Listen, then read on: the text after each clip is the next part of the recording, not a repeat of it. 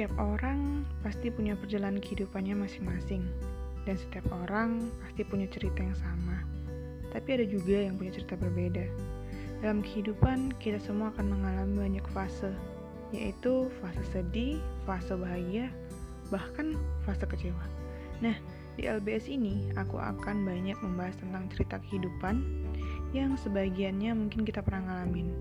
Kalau kalian penasaran apa LBS itu, yaitu kepanjangan dari Life Being Story, di mana aku akan membahas banyak tentang cerita kehidupan yang kita semua pasti pernah mengalaminya.